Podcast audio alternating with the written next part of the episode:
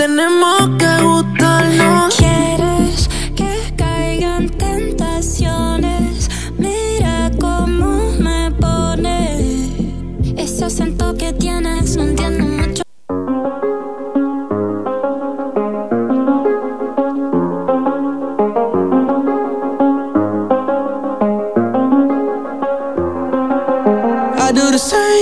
Told you that I never would. I told you I changed, even when I knew I never could. Know that I can't find nobody else as good as you. I need you to stay, need you to stay.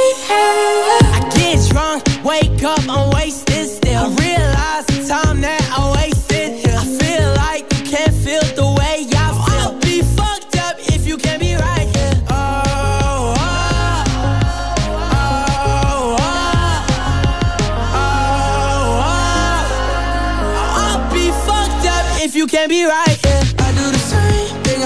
You I never would. Told you I changed, even when I knew I never could. Know that I can't find nobody else as good as you. I need you to stay, need you to stay. I do the same thing I told you that I never would. Told you I changed, even when I knew I never could. Know that I can't find nobody else as good as you. I need you to stay, need you to stay. When I'm away from you, I miss your touch.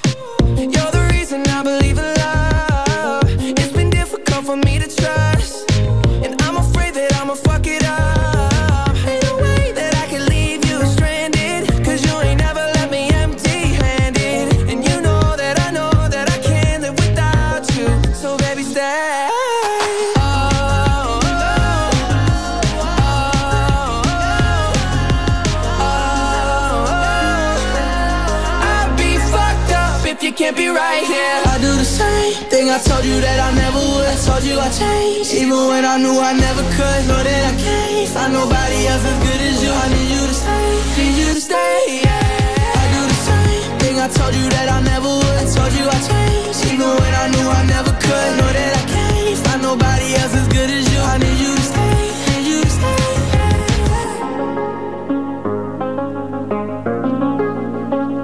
Oh, I need you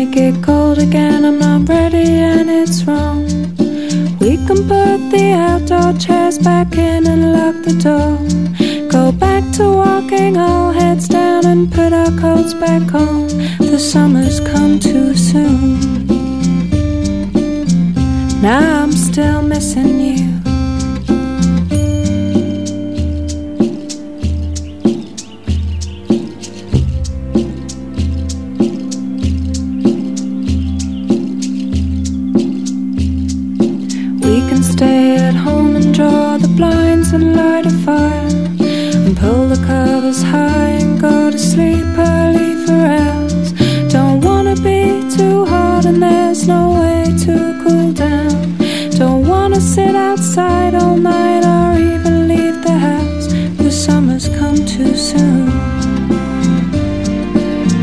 Now I'm still missing you.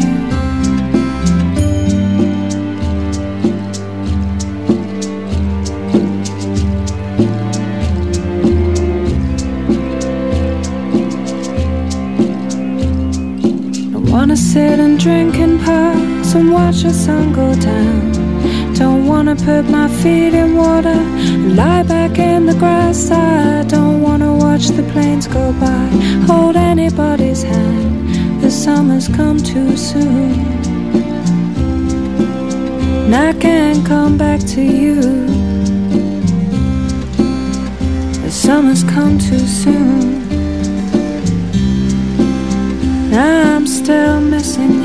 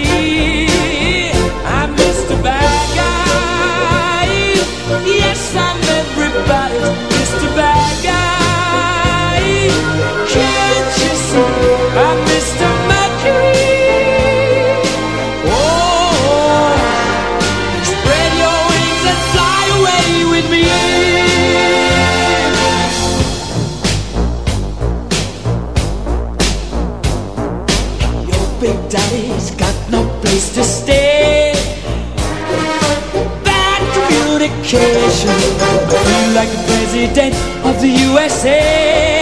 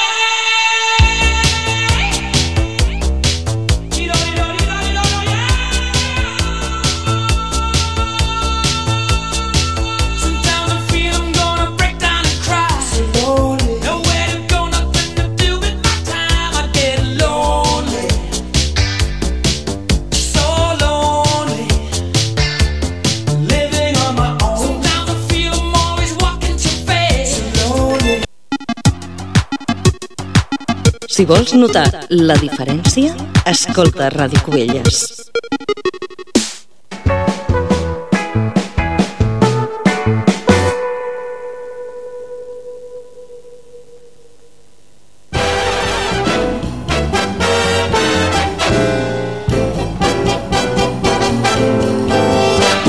It don't mean a thing if it ain't got that swing.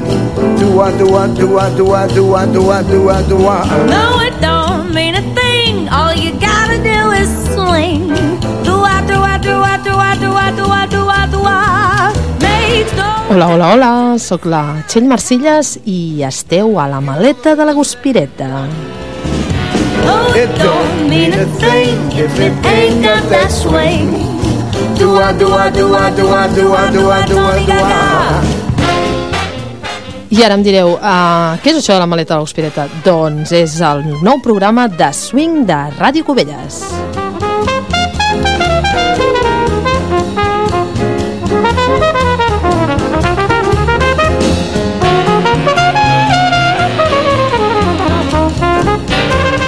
I com no, doncs havíem de començar amb un dels grans i una de les grans, que en aquest cas és la uh, Lady Gaga i el Tony Bennett, que segur que l'heu escoltat aquesta cançó.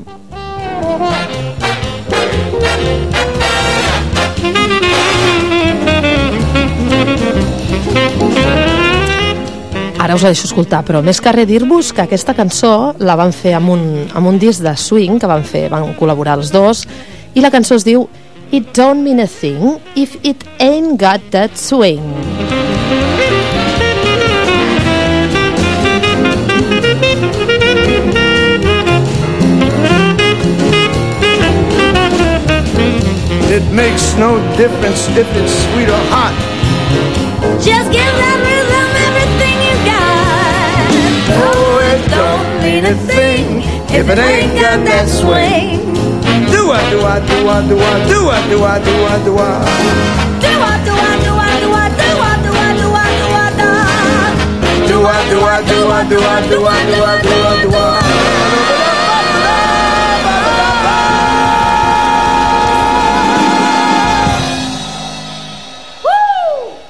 Faltava ella, eh? ja ho sabia jo. Dic, ara no, inter no, no, no interposaré la veu quan ella diu al final. Doncs res, a dir-vos que, que tot bé i que començarem una nova etapa que es diu La maleta de la guspireta i aquí dins de la maleta que hi portarem a, doncs, música swing.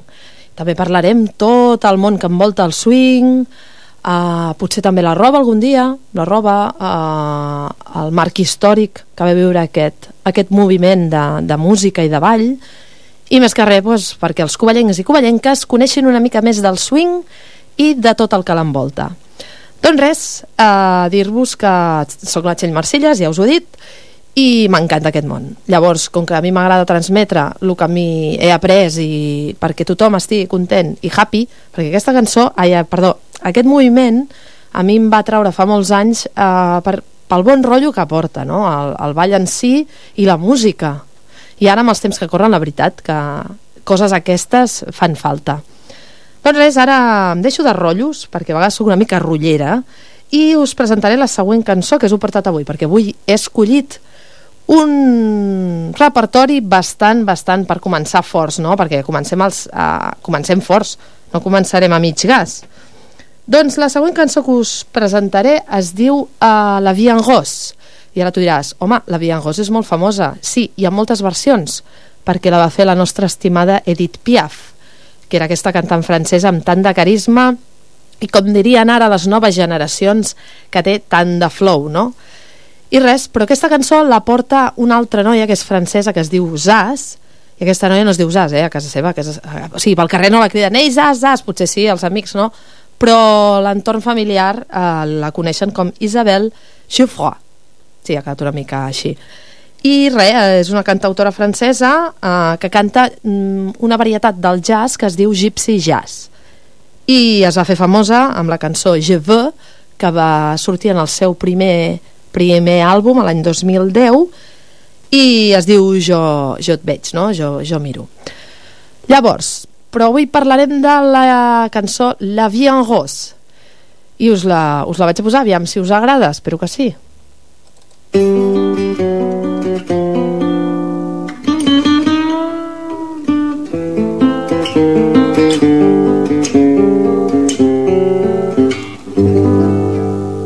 yeux qui font baisser les miens, un rire qui se perd sur sa bouche. Voilà le portrait sans retouche de l'homme auquel j'appartiens.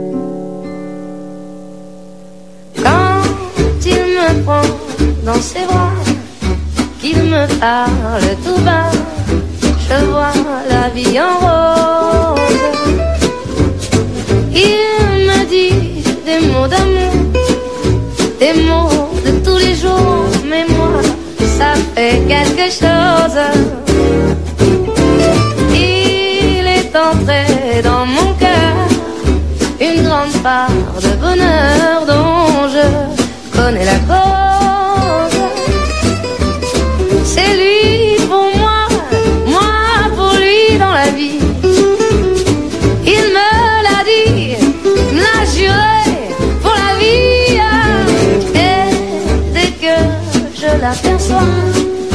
alors je sens moi mon cœur qui bat. Des nuits d'amour à plus finir, un grand bonheur qui prend sa place. Des ennuis, des chagrins s'effacent. Heureux, heureux à en mourir. Me prend dans ses bras, il me parle tout bas. Je vois la vie en rose. Il me dit des mots d'amour, des mots de tous les jours. Et ça me fait quelque chose. Il est entré dans mon cœur une part de bonheur dont je connais la cause.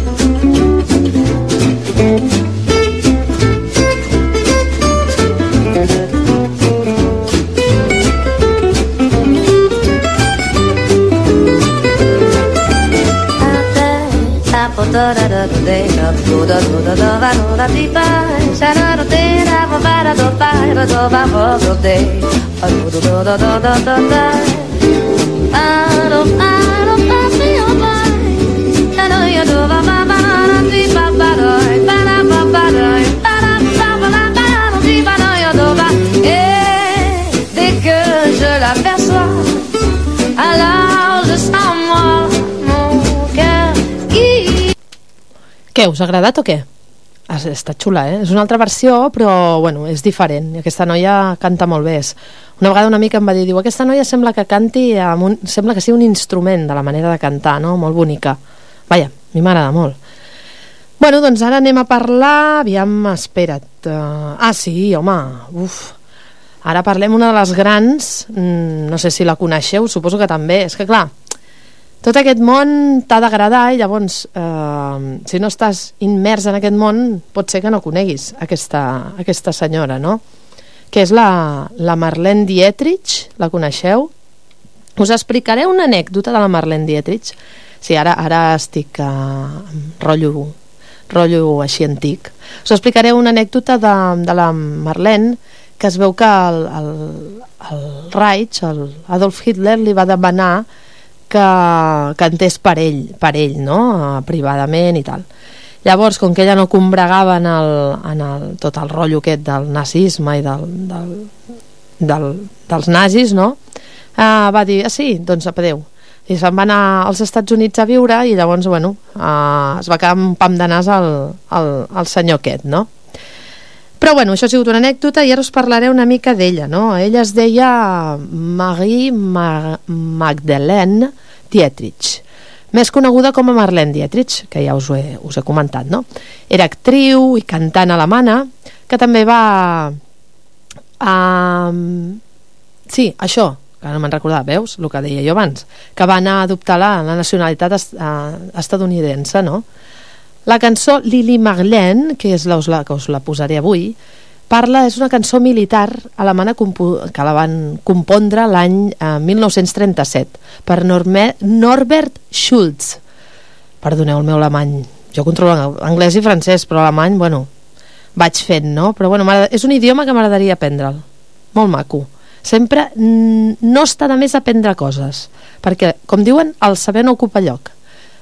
Dit a l'incís, doncs eh, parla sobre un poema d'un soldat anomenat Hans Lieb que havia escrit l'any 1915 per uh, Leil Andersen i que va tenir una popularitat espectacular durant la Segona Guerra Mundial. Recordem que tot això va passar durant la Segona Guerra Mundial. Bueno, em deixo d'històries que de vegades m'enrotllo massa i tinc massa corda. I us deixo amb eh, Lili Marlene.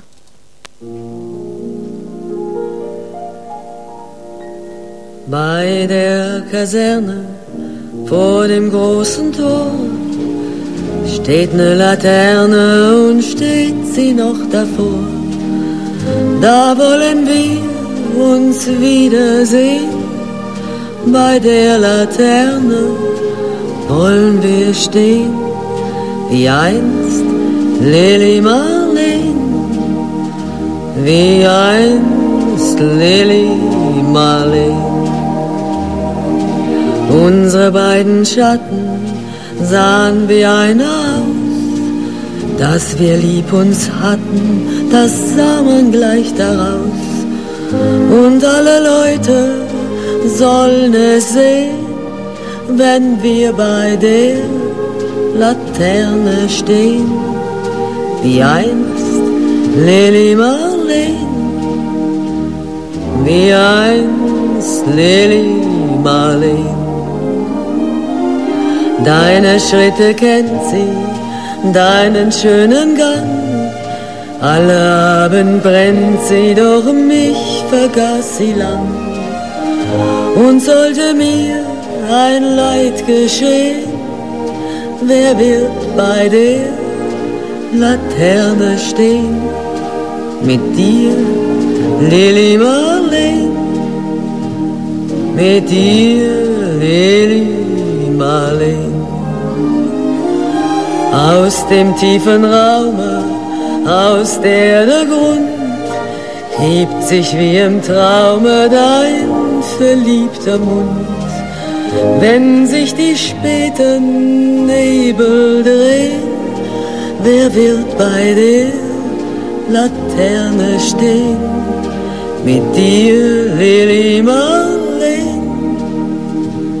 mit dir, Lili Marleen. Wenn sich die späten Nebel drehen, wer wird bei der Laterne stehen? Mit dir, Lili Marleen, mit dir,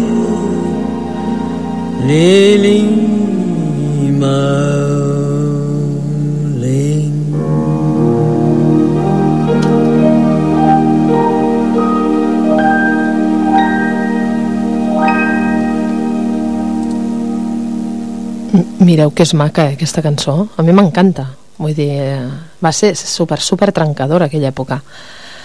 Bueno, doncs ja hem gaudit de la Marlene Dietrich eh, i ara doncs eh, parlarem d'un altre senyor que també és de l'era moderna, passem disc de pedra, disc modern, ja ho faig això. O sigui, hem de trobar l'equilibri eh, de les dues coses. Eh, un senyor que es diu Robbie Williams, que també a vegades se li anava la pinça, eh? però bueno, jo parlaré de l'època que no se li va anar gaire, que era l'època de, del swing, que va fer un parell de discos, i un d'ells, el primer, era... Um, com es diu aquest ara? Aviam, Swing Both Ways. És que clar, en té dos i com que tinc memòria de Dori, doncs passa això, que m'ho haig d'apuntar tot. Llavors, sí, quan fas els 40 anys passa això. Jo he fet els 40 anys i dic, ui, he perdut memòria...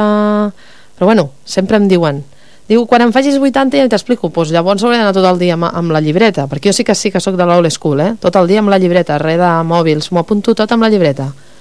Per ser un secret, jo quan m'agrada els llibres llegir una passada. Però no m'agrada llegir amb les tabletes, llavors a mi per mi és un cerimonial anar a, les llibreries i anar a escollir el llibre, ensumar el llibre, les, notar la textura de, de les pàgines, no? tot això és, és un cerimonial, no?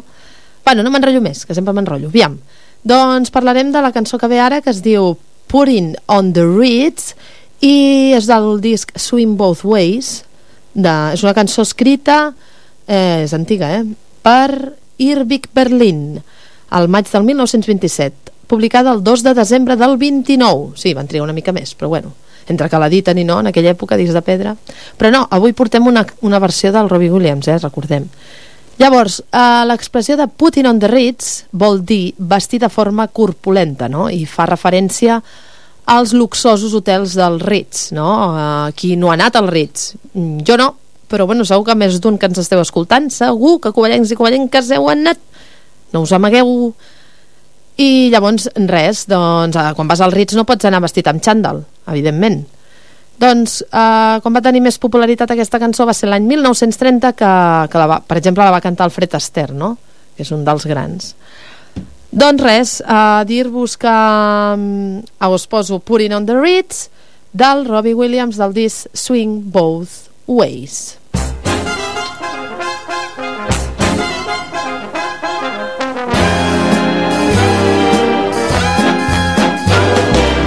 Have you seen the well-to-do upon Lenox Avenue on that famous thoroughfare with their noses in the air, high hats and narrow collars, white spats of fifteen dollars, spending every dime on a wonderful time. If you're blue and you don't know where to go to, why don't you go where Harlem flits? Putting on the Ritz Spangled gowns upon the bevy of high browns from down the levee. All misfits are putting on the ritz. And that's where each and every Lulu Bell goes. Every Thursday evening with her swell bows. Rubbing elbows, come with me and we'll attend the Jubilee and see them spend their last two bits. Putting on the ritz.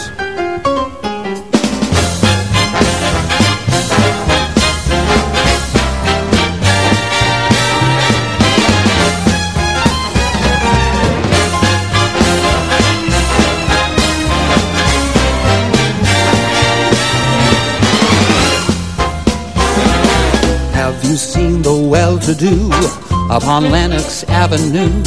On that famous thoroughfare with their noses in the air, high hats and narrow collars, white spats and fifteen dollars, spending every dime for a wonderful time. If you're blue and you don't know where to go to, why don't you go where fashion says, putting on the Ritz.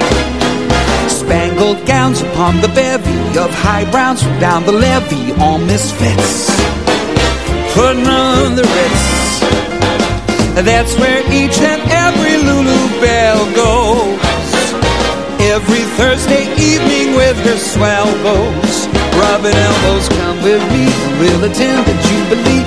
See them spend their last two bits. Putting on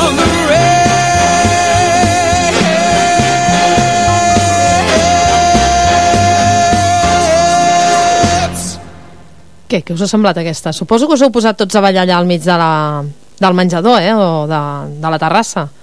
Perquè aquesta cançó és per ballar, eh? Bueno, i aquesta i l'altra i la més enllà. Però bueno, totes aquestes les podem ballar amb, amb swing, totes les que us portaré, eh? Bueno, canviem de rotllo, aviam. Quina us he portat més? Um, aviam, sí. Aquesta, aquest grup és d'ara també, eh? I aquest grup es diu uh, The Hot Sardines. I ara tu em diràs, uh, alguns em direu, això, aquest grup? Sí, aquest grup es diu, traduït, les sardines calentes. Per cert, que a mi les sardines no li digueu a ningú. Xxt, no m'agraden gens. Però bueno, s'han de, de menjar, no? Perquè com que diuen que hem de menjar de tot i aquí tenim una dieta mediterrània super, super guai, doncs, però bueno, és com a tothom, hi ha gent que ens agraden unes coses i hi ha gent que unes altres no. Fa molta pudor la sardina, molta, quan es cou. Però bueno, aviam, doncs dir-vos que és un grup de jazz que es diu així, The Hot Sardines, sí, mira quins noms més estranys, no? I és especialista en els anys 20, 30 i 40, que en el cas meu és a l'època dels anys 40, a l'època de la Segona Guerra Mundial, i del swing. Té un cert estil jazz manouche, eh, és un altre tipus d'estil, com us he dit abans del gypsy jazz, doncs aquest és un altre. Però el que s'hi toquen és bastant força jazz swing. Formada l'any 2007 per la directora, cantant i escriptora Elisabeth Bourgeois. Aquesta noia, imagineu, eh, ha format aquest grup, a més també incorporen el claquer quan toquen, i, bueno, i la cançó es diu By Mir Bis du i a la traducció seria Amb mi ets bonica, no? Ets molt gran és un, en alemany, no? Aquesta cançó s'han fet moltes versions, com he explicat alguna vegada, una pel·li que us recomano. Bueno, totes aquestes històriques us les recomano. A vegades no, no, no segueixen molt el, el rigor històric, però, bueno, escolta'm, si no ho controles i la pel·li és vistosa i maca, doncs ja, ja està bé, no? Però sí que és veritat que mm, una pel·li que es diu, que m'agrada molt, que es diu Swing Kids, si t'agrada el swing, t'agrada la Segona Guerra Mundial, aquesta pel·li val la pena que la mireu, eh? Doncs és, uh, surt aquesta cançó, però la fa una altra noia que es diu Janice Siegel. Però avui us he portat una altra versió, perquè la Janice Siegel ja us la portaré un altre dia, que es diu... Uh, aquesta cançó que es diu By Mir Bis Duchesne, i la fan aquest grup, no? The Hot Sardines. Però també l'any 1932 la van mm, fer molt famosa la, les Andrew Sisters, que segur que les coneixeu. Bueno, vinga, va. Menos rollos, caperucita. Us poso By Mir Bis Duchesne.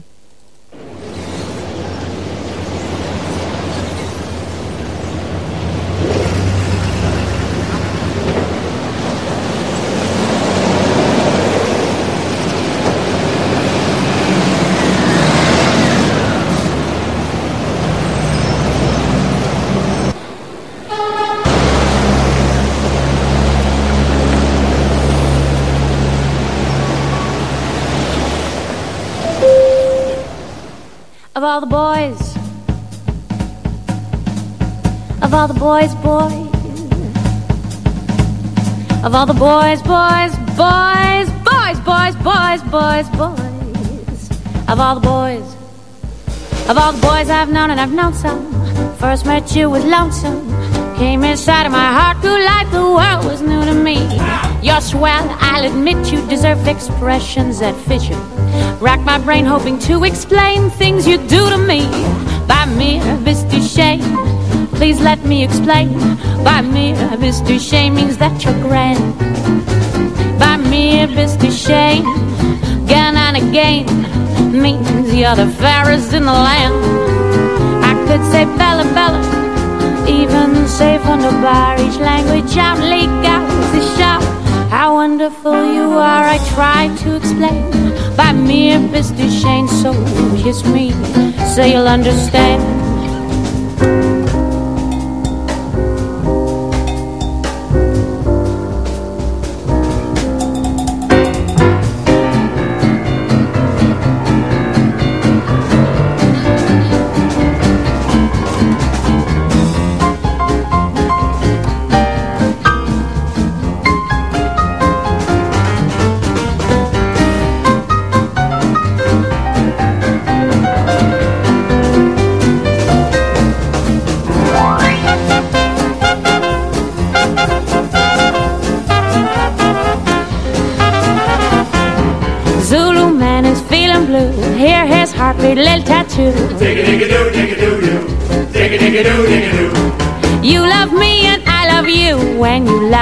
natural too. Digga digga doo digga doo doo.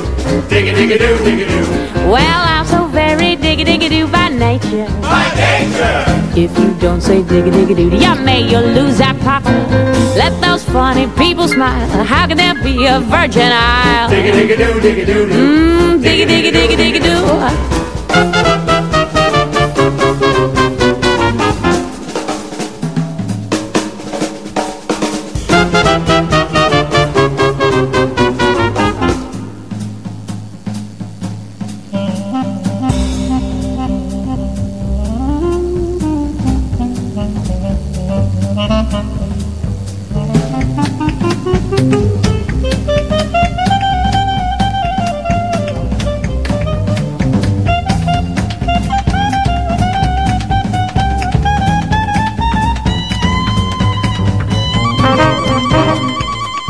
Bé, fins aquí el programa de la maleta de la Guspireta i espero que avui tots els discos que hagi portat dins la maleta us hagin agradat. Us ens veiem el proper dia i que tingueu swing i salut. Vinga, bo bona setmana. means that you're the fairest in the land. I could say Bella Bella, even say language only explain by mere Mr. Shane. Kiss me, oh kiss me.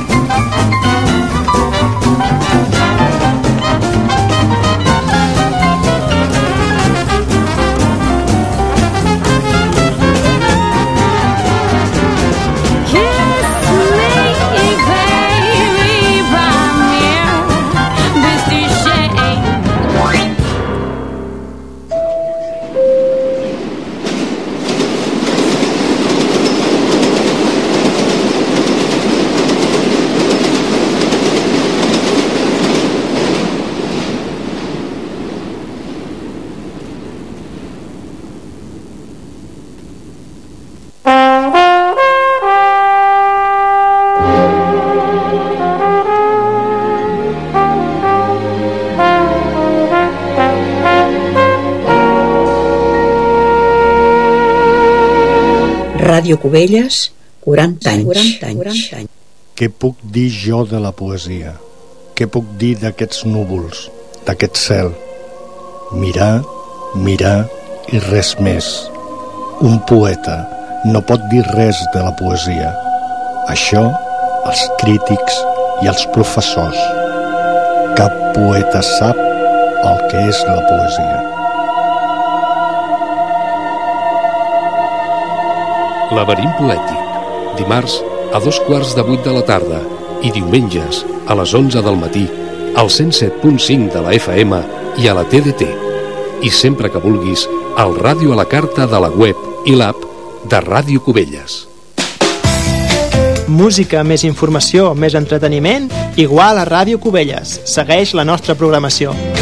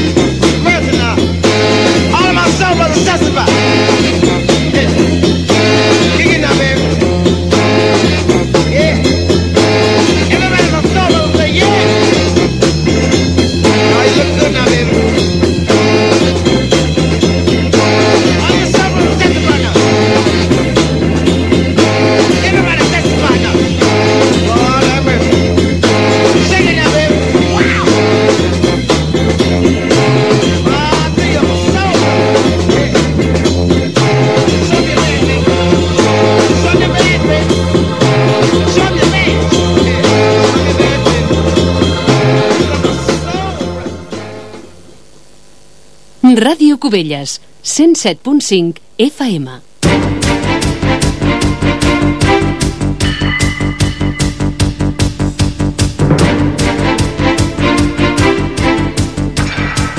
Benvinguts a l'informatiu.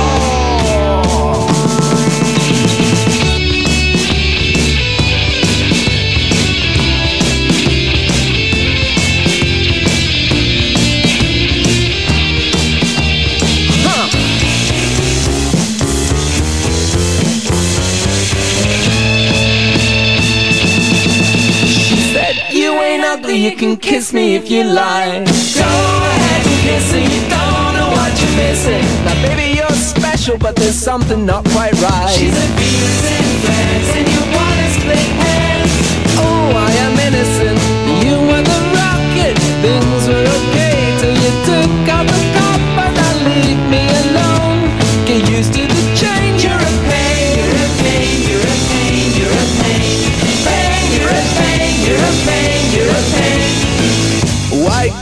got dirt in your pants, you got egg in your hair, you've got spit in your chin, you're a white collar, got dirt in your pants, you got egg in your hair, you've got spit in your chin, you're a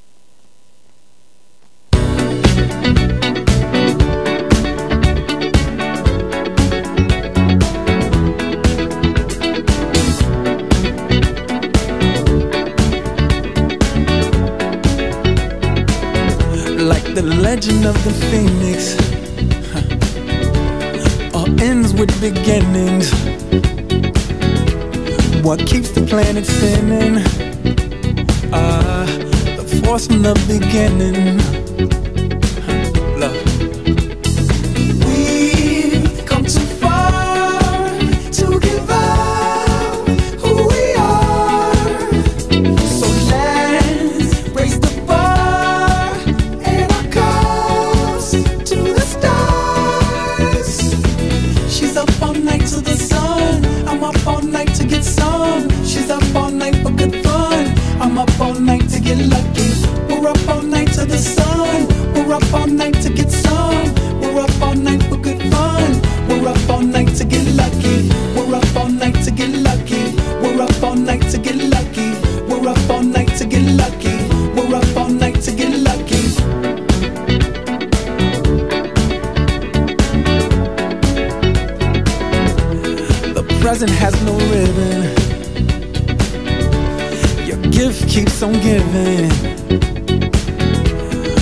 What is this I'm feeling? If you wanna leave, I'm with it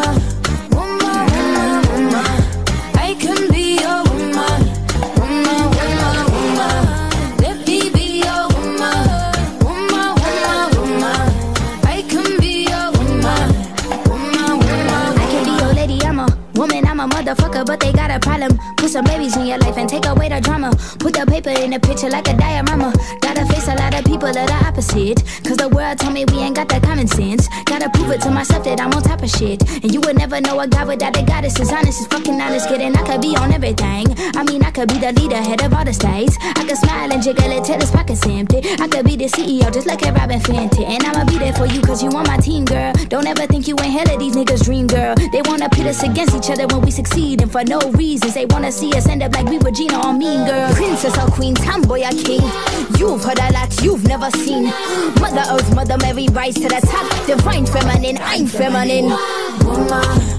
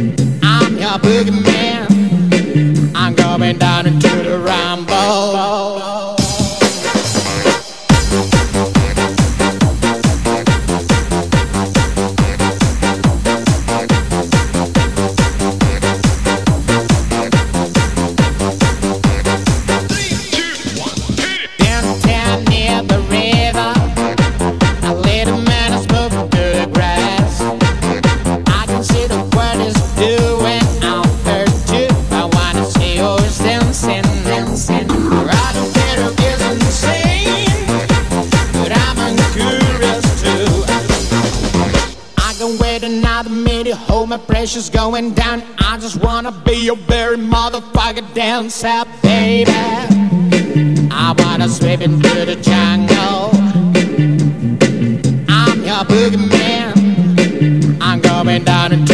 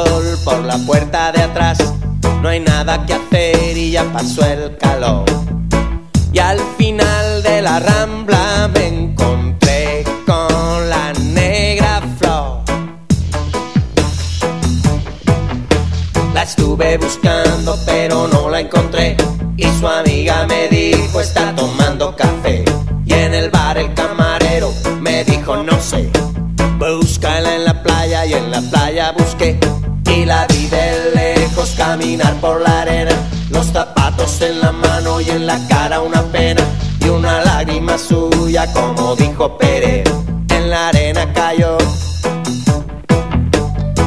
Y al final de la rambla me encontré con la negra flor.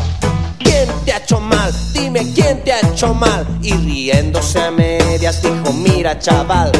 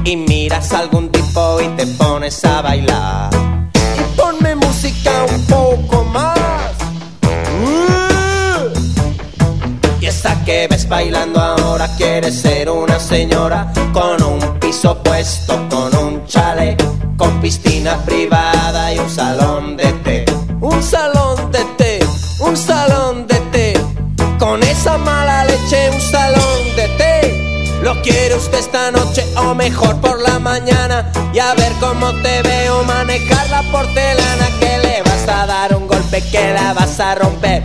Que si tú no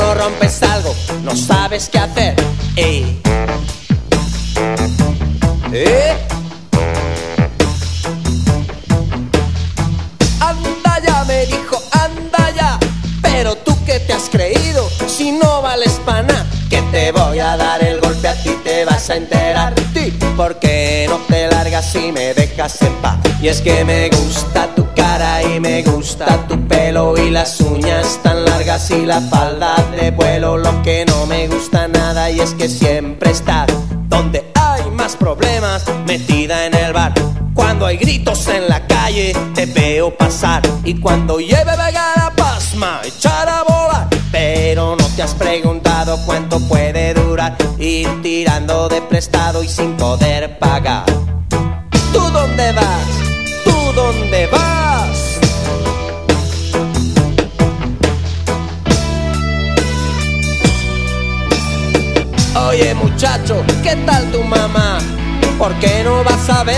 Que ya debe estar esperando por ti y te va a regañar. Vuélvete a la tienda y ponte a currar. Y te buscas una novia que te quiera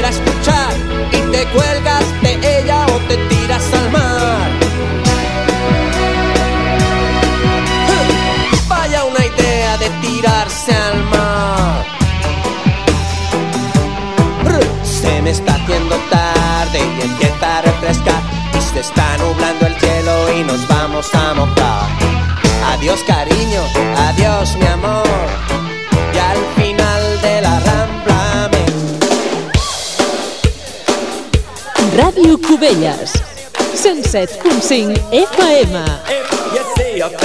Si vols notar la diferència, escolta Ràdio Cubelles.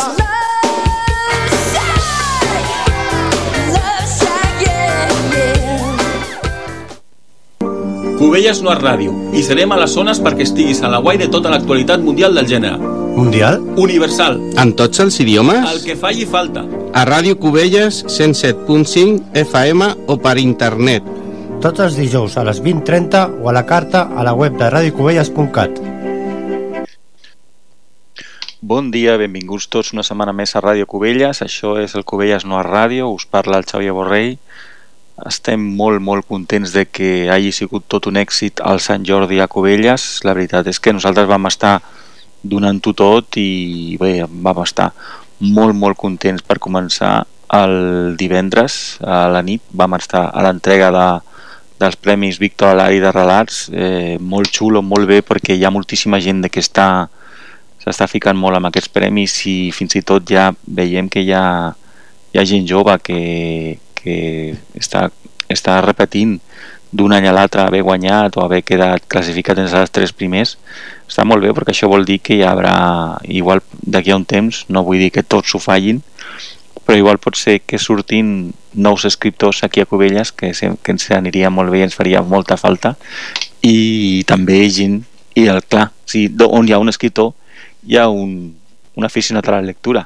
O sigui que estem molt, molt d'enhorabona en que, en que hi hagi nou, nova gent que s'atreveixi a fer cosetes aquí a Cubelles. Per altra banda abans del Premi Víctor Alari es va donar a la subvenció que dona l'Ajuntament de Cubelles pel Premi de Recerca i bé, es van presentar tres respostes molt interessants però va guanyar la Núria Jané que recordem també és l'arxivera del nostre poble i també i és una molt bona escriptora. Jo he llegit una novel·la que va escriure ella i la veritat és que estava molt bé i ha guanyat amb el tema del, de les dones de la fita d'aquell tema tan interessant sobre unes dones que per culpa de la fita del terme de Vilanova es van enfrontar a l'autoritat i és un tema que estem molt contents de que la Núria Jané el pugui explotar perquè donarà per molt, donarà per molt, però ja no només a Cubella, sinó és un tema que s'ha d'exportar.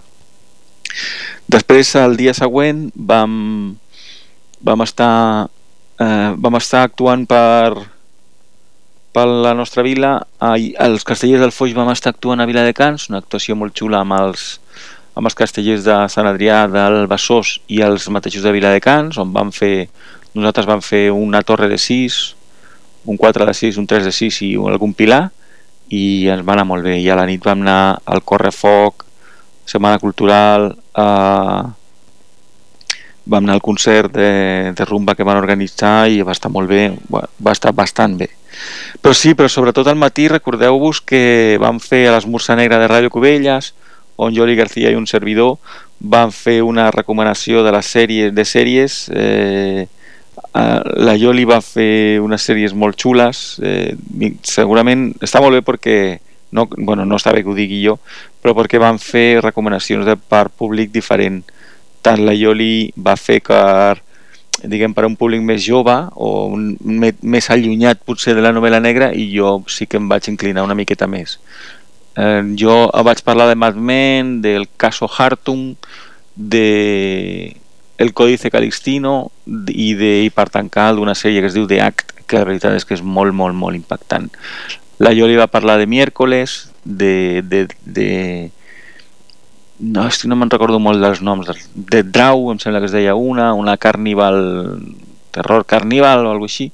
I bé, la veritat és que tot, tot va, ser, va ser molt xulo i ens ho vam passar molt bé. I el divendres va arribar el, el dia de signar els llibres vam muntar una paradeta de Cubelles Noir a, la, a, a sota del campanar on on ens va tocar un dia molt maco que feia molt de goig veure, tot, veure les paradetes que hi havia de llibres una miqueta de roses, alguna coseta de merchandising també les puntaires i va ser un dia molt, molt, molt, molt engrescador per la cultura catalana i la cultura en general. Nosaltres, eh, molt contents, jo personalment tenia sis llibres, van, vaig vendre els sis i el company el Pedro H va vendre 35 en un dia. També vam vendre merchandising de Cubelles Noir, va venir molta gent a saludar-nos, eh, hem fet molta publicitat del festival i estem molt, molt contents.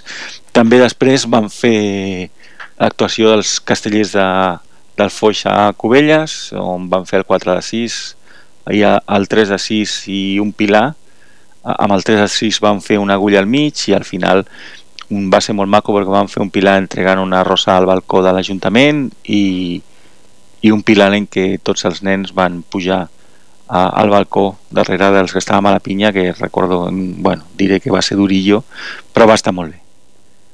I bé, comencem el programa eh, amb aquesta introducció. Us porto una entrevista molt xula però eh, volem portar música perquè m'he enganxat una miqueta a...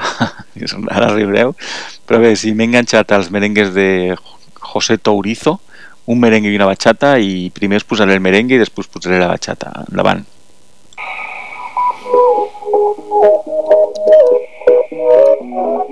Vamos, listo. Salud muchachos, por esa mujer. Estoy cansado de pensarte con el pecho roto.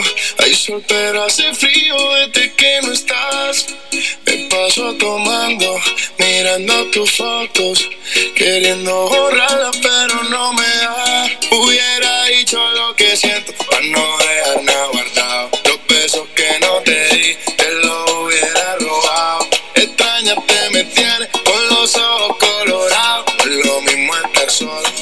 solo enamorado. Dije que te olvidé,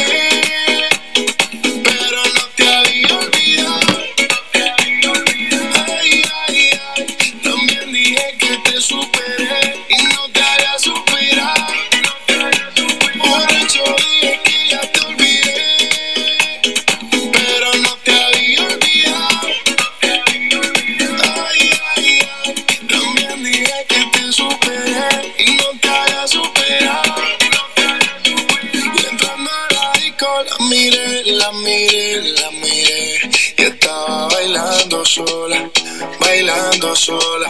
LP, MP, MP. Y así se fueron las horas, un par de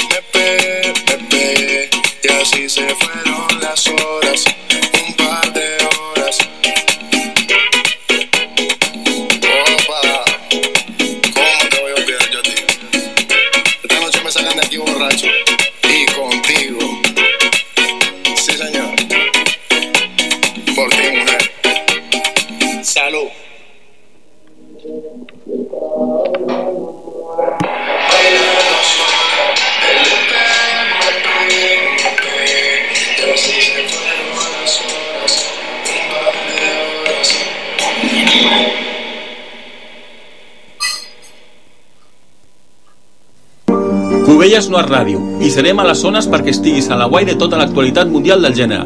Mundial? Universal. En tots els idiomes? El que falli falta. A Ràdio Cubelles 107.5 FM o per internet. Tots els dijous a les 20.30 o a la carta a la web de radiocubelles.cat.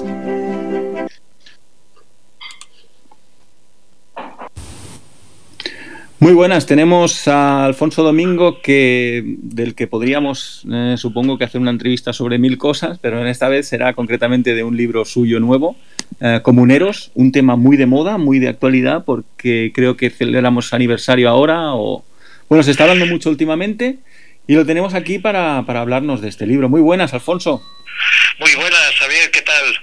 ¿Cómo, cómo, bueno, a ti que te gusta, ¿eh? Siempre te ha gustado meterte en, en fregados en el mundo literario. ¿Cómo llegaste al mundo de los comuneros? Bueno, yo nací en Segovia y aunque luego pues para los estudios me, tra- eh, me trasladé a Madrid, pero el tema de los comuneros tanto en Segovia como en algunos lugares de Castilla siempre ha sido algo que, que ha estado fijado en, la, en el imaginario colectivo, ¿no? En el caso porque uno de los ejecutados en Villalar es Juan Bravo, que es el líder, digamos, de la ciudad en 1520, en 1521, en lo que se dio en llamar las alteraciones de las comunidades, es decir, la guerra de las comunidades. Y bueno, pues siempre me había intrigado esa figura que estaba en una estatua, en un pedestal en la calle principal de Segovia, la calle Mayor, que ahora se llama Juan Bravo, por cierto, eh, y, y siempre pensé, digo, bueno, pues eh, cuando tenga eh, el- la oportunidad de, de investigar y bueno, eh, se acercaban los fastos del quinto centenario del, del, del anive- del aniversario de la Guerra de las Comunidades y bueno, eh, eh, empecé a impulsar eh, todo este tema de los comuneros, participé en la exposición que se hizo en Valladolid de, de- toda la época comunera, míos eran los textos de esa exposición y bueno, pues eh, dado que empecé a investigar, pues decidí en un momento determinado hacer una novela sobre, sobre ese, esa parte o ese momento histórico que realmente pudo cambiar nuestro destino. En vez de ser un, un- un- un- en vez de estar destinados al imperio, eh, podíamos haber eh, eh, tenido otro otro otro desarrollo con, no sé eh, mucho más armónico de los territorios de la península ibérica de los pueblos y, y sobre todo que sin esa impronta ¿no? de, de- monarquía eh, absoluta no pero bueno eh, aquello fue un sueño que duró poco y que bueno ahora se celebra y ya está un poco de, de- moda pero pero que- que- que dejó una impronta durante muchos años en Castilla y en, y en muchas partes de España Sí. Porque tú también siempre eh, intentando moverte en, en la izquierda, pero ya en la izquierda histórica, ¿no? Siempre en, bueno, en ayudar a la gente, en el proletariado.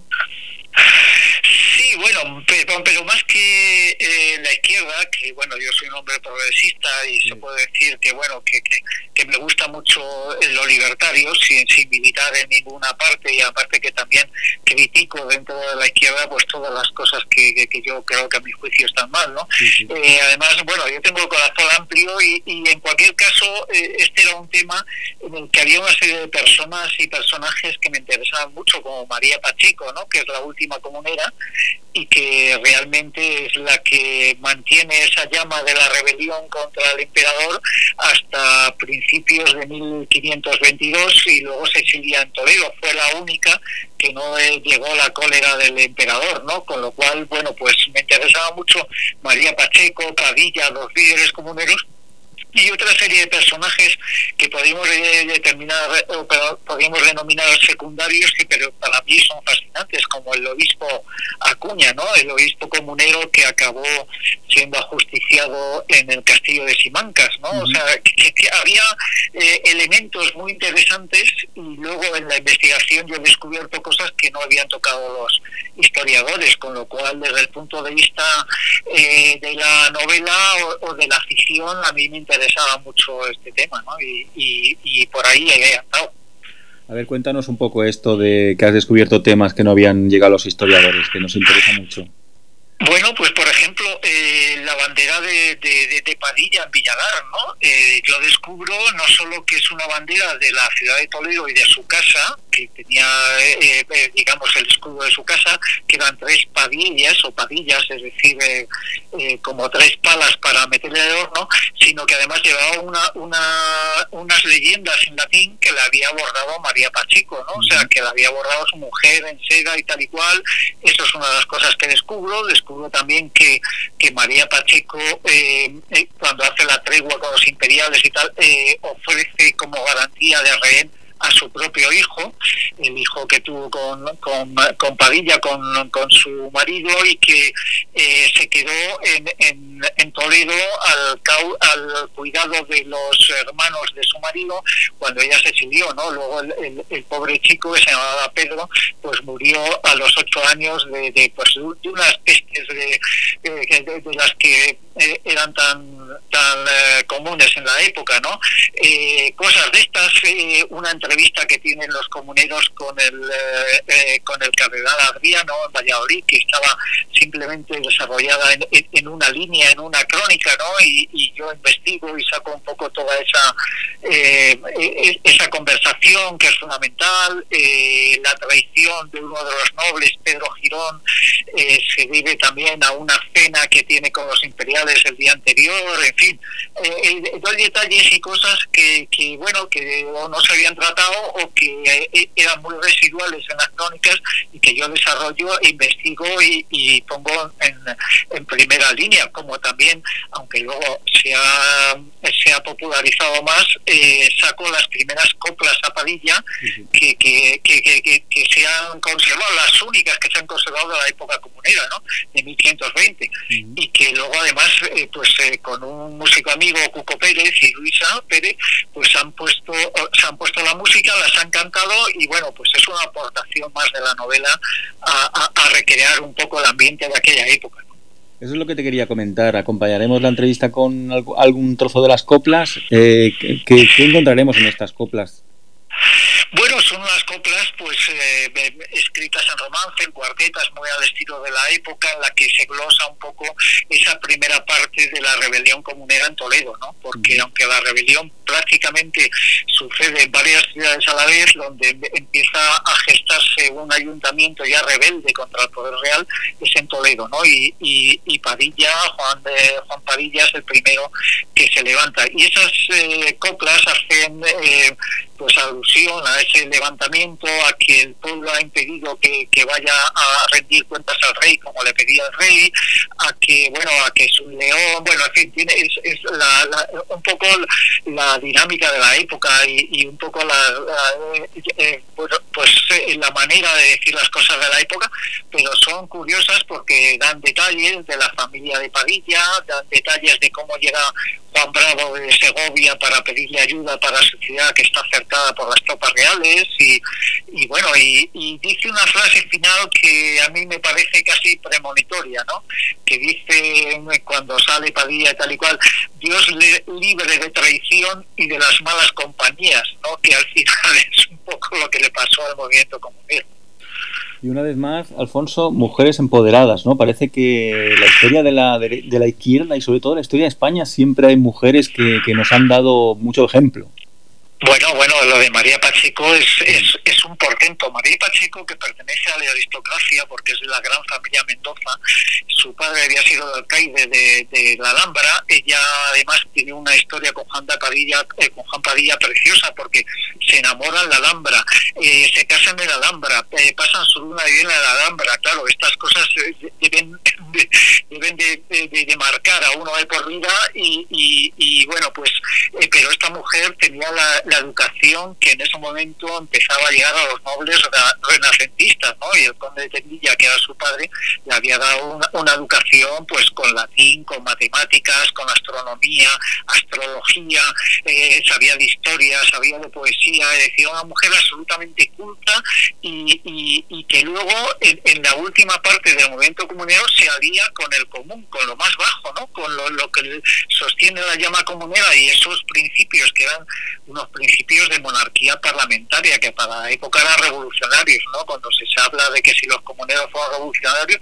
por supuesto, fue la primera revolución democrática de Europa y como tal está recogida en, en- en las reuniones de, de los padres de la patria norteamericana cuando están haciendo su constitución, la primera eh, eh, o el primer referente que citan son las, leyes de Ávila, comuneros, ¿no? que hacen la separación de poderes, dicen que las cortes y sobre todo, un concepto absolutamente revolucionario, que el poder resistía, eh, residía en el pueblo, no en el rey. O sea, eh, era el- pueblo el que decidía eh, las cosas y el que tenía y el rey no podía eliminar esas esas leyes. Bueno, pues esto, eh, entre otras personas, lo hace María Pacheco, ¿no? que es una mujer, ahora se diría adelantada a su época, pero no, habíamos muchas mujeres en su época que tenían ese poder y, sobre todo que tenían esa cultura y esa capacidad de, aunar voluntades en torno a una causa que, que, bueno, que, que servía o, que decían que iba a servir para liberar al pueblo. En fin. Por último, ¿queda algo, Alfonso, de- del espíritu de los comuneros actualmente o todo se lo llevó la guerra civil por delante? Bueno, en la guerra civil es curioso porque hay también milicias que tienen el nombre de los comuneros de Castilla. Antes de eso, eh, digamos, en el periodo liberal eh, hay una glorificación en plan de, de- de, bueno, pues que son los verdaderos precursores de las libertades, no solo de Castilla, porque el movimiento comunero abarcaba muchas más eh, zonas de, de- de- de España, ¿no? Llegó hasta Andalucía, llegó a algunas partes de, de Galicia, eh, en el norte, etcétera pero eh, sobre todo yo creo que subyace un- un- el, el espíritu de que, bueno, los españoles por siglos hemos sido rebeldes, ¿no? Y que siempre hay que tener un poco de rebeldía hacia el poder, sobre todo si se ejerce de una manera despótica, cruel, como lo estaba haciendo Carlos V con, sus súbditos, ¿no? Eh, y, y, y cambia el concepto ese de soberanía, como te decía. Yo creo que eso queda en la historia, aunque el, el movimiento o, o la rebelión fuera fallida y sus líderes fueran decapitados, yo creo que subyace algo, es- ese, e- e- ese anhelo de libertad y de democracia y de que la justicia tiene que estar eh, eh, presidiendo todas las relaciones institucionales, yo creo que eso ha quedado. Luego, pues efectivamente, los tiempos han cambiado mucho en 500 años, pero ese espíritu yo creo que nos debe animar todavía a seguir, eh, eh, bueno, pues abogando por, por, por- por eso, porque haya una política que sirva a la gente y no la gente que sirva a los políticos, ¿no? Tú que eres mucho hombre de audiovisual, Alfonso, ¿te animarías a hacer algo de los comuneros? Yo tengo escrita la serie sobre mi novela de ocho capítulos, porque bueno, otra de las cosas, por ejemplo, que, que no es que descubro, pero que especulo es con la con la posible tumba de Padilla, que es el único que no se sabe realmente dónde está enterrado, si en Villalar o en el monasterio de Mejorada de Olmedo. Pues hay una especie de justicia poética en la novela en la cual eh, eh, María Pacheco, que había querido reunirse con su marido, aunque fuera en la muerte, pues eh, se trasladan los restos de Oporto, donde murió, a, a- a Castilla, ¿no? Y, y bueno, eh, yo tengo escrita, ya te digo, ocho capítulos de una serie que sería magnífico poder hacerla, pero bueno, ya no son los tiempos de, de- en los que hay ahora series historias porque son muy caras y tal, pero yo lo tengo escrito, me encantaría hacerlo y me encantaría que alguien eh, le diera un poco este, e- ese impulso, ¿no? Para poder hacer una, una serie que desde luego sería también muy actual porque tocaría temas muy actuales. Claro que sí. Bueno, pues recordemos Comuneros de Alfonso Domingo, que publica Algaida, una novela no solo histórica, sino una novela más actual de lo que parece. Muchas gracias, Alfonso, por estar con nosotros. Muchas gracias, Javier, a vosotros y nada, pues que el, espíritu de esa, de, de- de- esa gente que continúe porque hay que seguir estando eh, cuestionando siempre el poder, sobre todo, ya te digo, si es eh, si está ejercido de una manera eh, eh, ilegítima y tirana. ¿no? Cierto, cierto. Muchas gracias, Alfonso. A, a vosotros, un abrazo fuerte.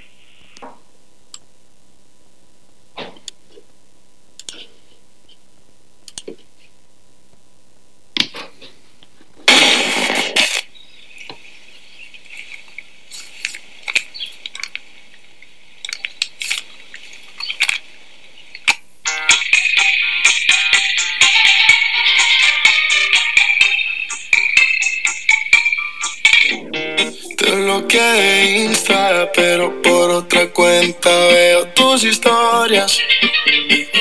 Tu número lo borré. No sé pa' qué si me lo sé de memoria. Me hiciste daño, casi te extraño.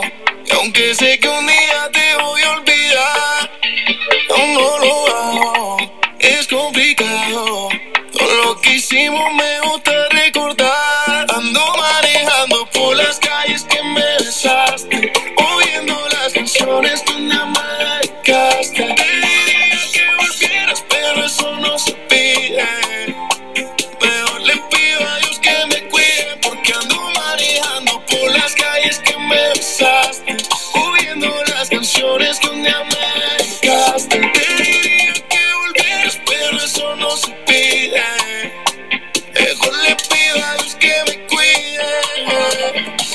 De otra que se parezca a ti. No quiero caer como hice por ti. Ojalá te enamores. Da lo mismo que me hiciste a mí. Tú me enseñaste a no amar a cualquiera. Y también como no quiero que me quieran. No, éramos tres en una relación de dos. No te perdono, pídele perdón a Dios. Dije que te olvidé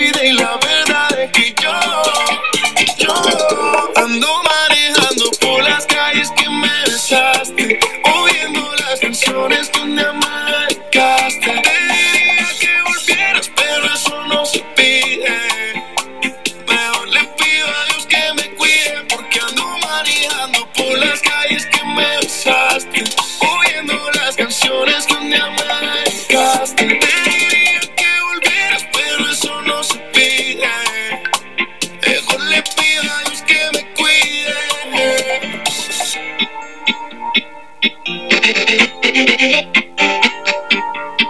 Bajo el horizonte.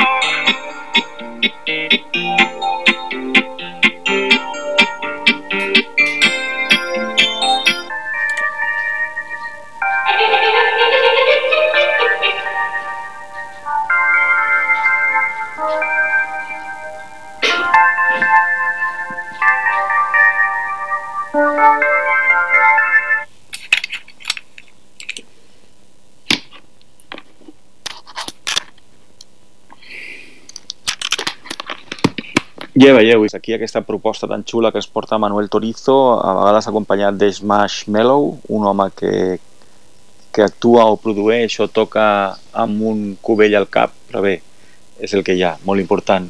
Fins aquí el programa d'avui. Hem tingut a Alfonso Domingo, que ens ha parlat de Los Comuneros, un llibre molt interessant, ara que aquest tema torna a estar una altra vegada d'actualitat perquè l'aniversari, i hem fet una mica de resum del que ha sigut aquest cap de setmana tan intens de Sant Jordi i amb el nostre esmorzar negre dins de la Setmana Cultural de Cubelles. Us ha parlat Xavier Borrell, tornem la setmana que ve amb més cosetes al programa. Moltíssimes gràcies per escoltar-nos i a reveure, sobretot llegiu molt i escolteu molta, molta sèries de televisió i gaudiu molt de la literatura i de la cultura. Adeu! Cubelles no és ràdio i serem a les zones perquè estiguis a la guai de tota l'actualitat mundial del gènere. Mundial? Universal, En tots els idiomes? el que falli falta. A Ràdio Cubelles 107.5 FM o per internet. Tots els dijous a les 20.30 o a la carta a la web de radiocubelles.cat.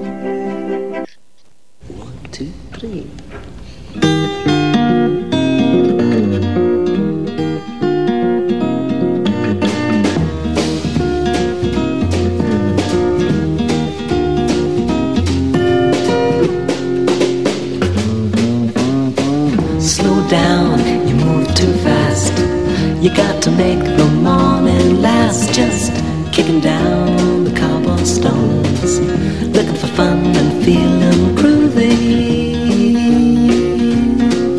Ba-da-da-da-da-da, feeling groovy. Hello, lamppost, what you knowin'? I come to watch your flowers growin'. Ain't you got no rhymes for me? Do it do do, feeling groovy. Ba-da-da-da-da-da, feeling groovy. I got no deeds to do, no promises to keep. I'm dappled and drowsy and ready to sleep. Let the morning time drop all its petals on me. Life, I love you, all is groovy.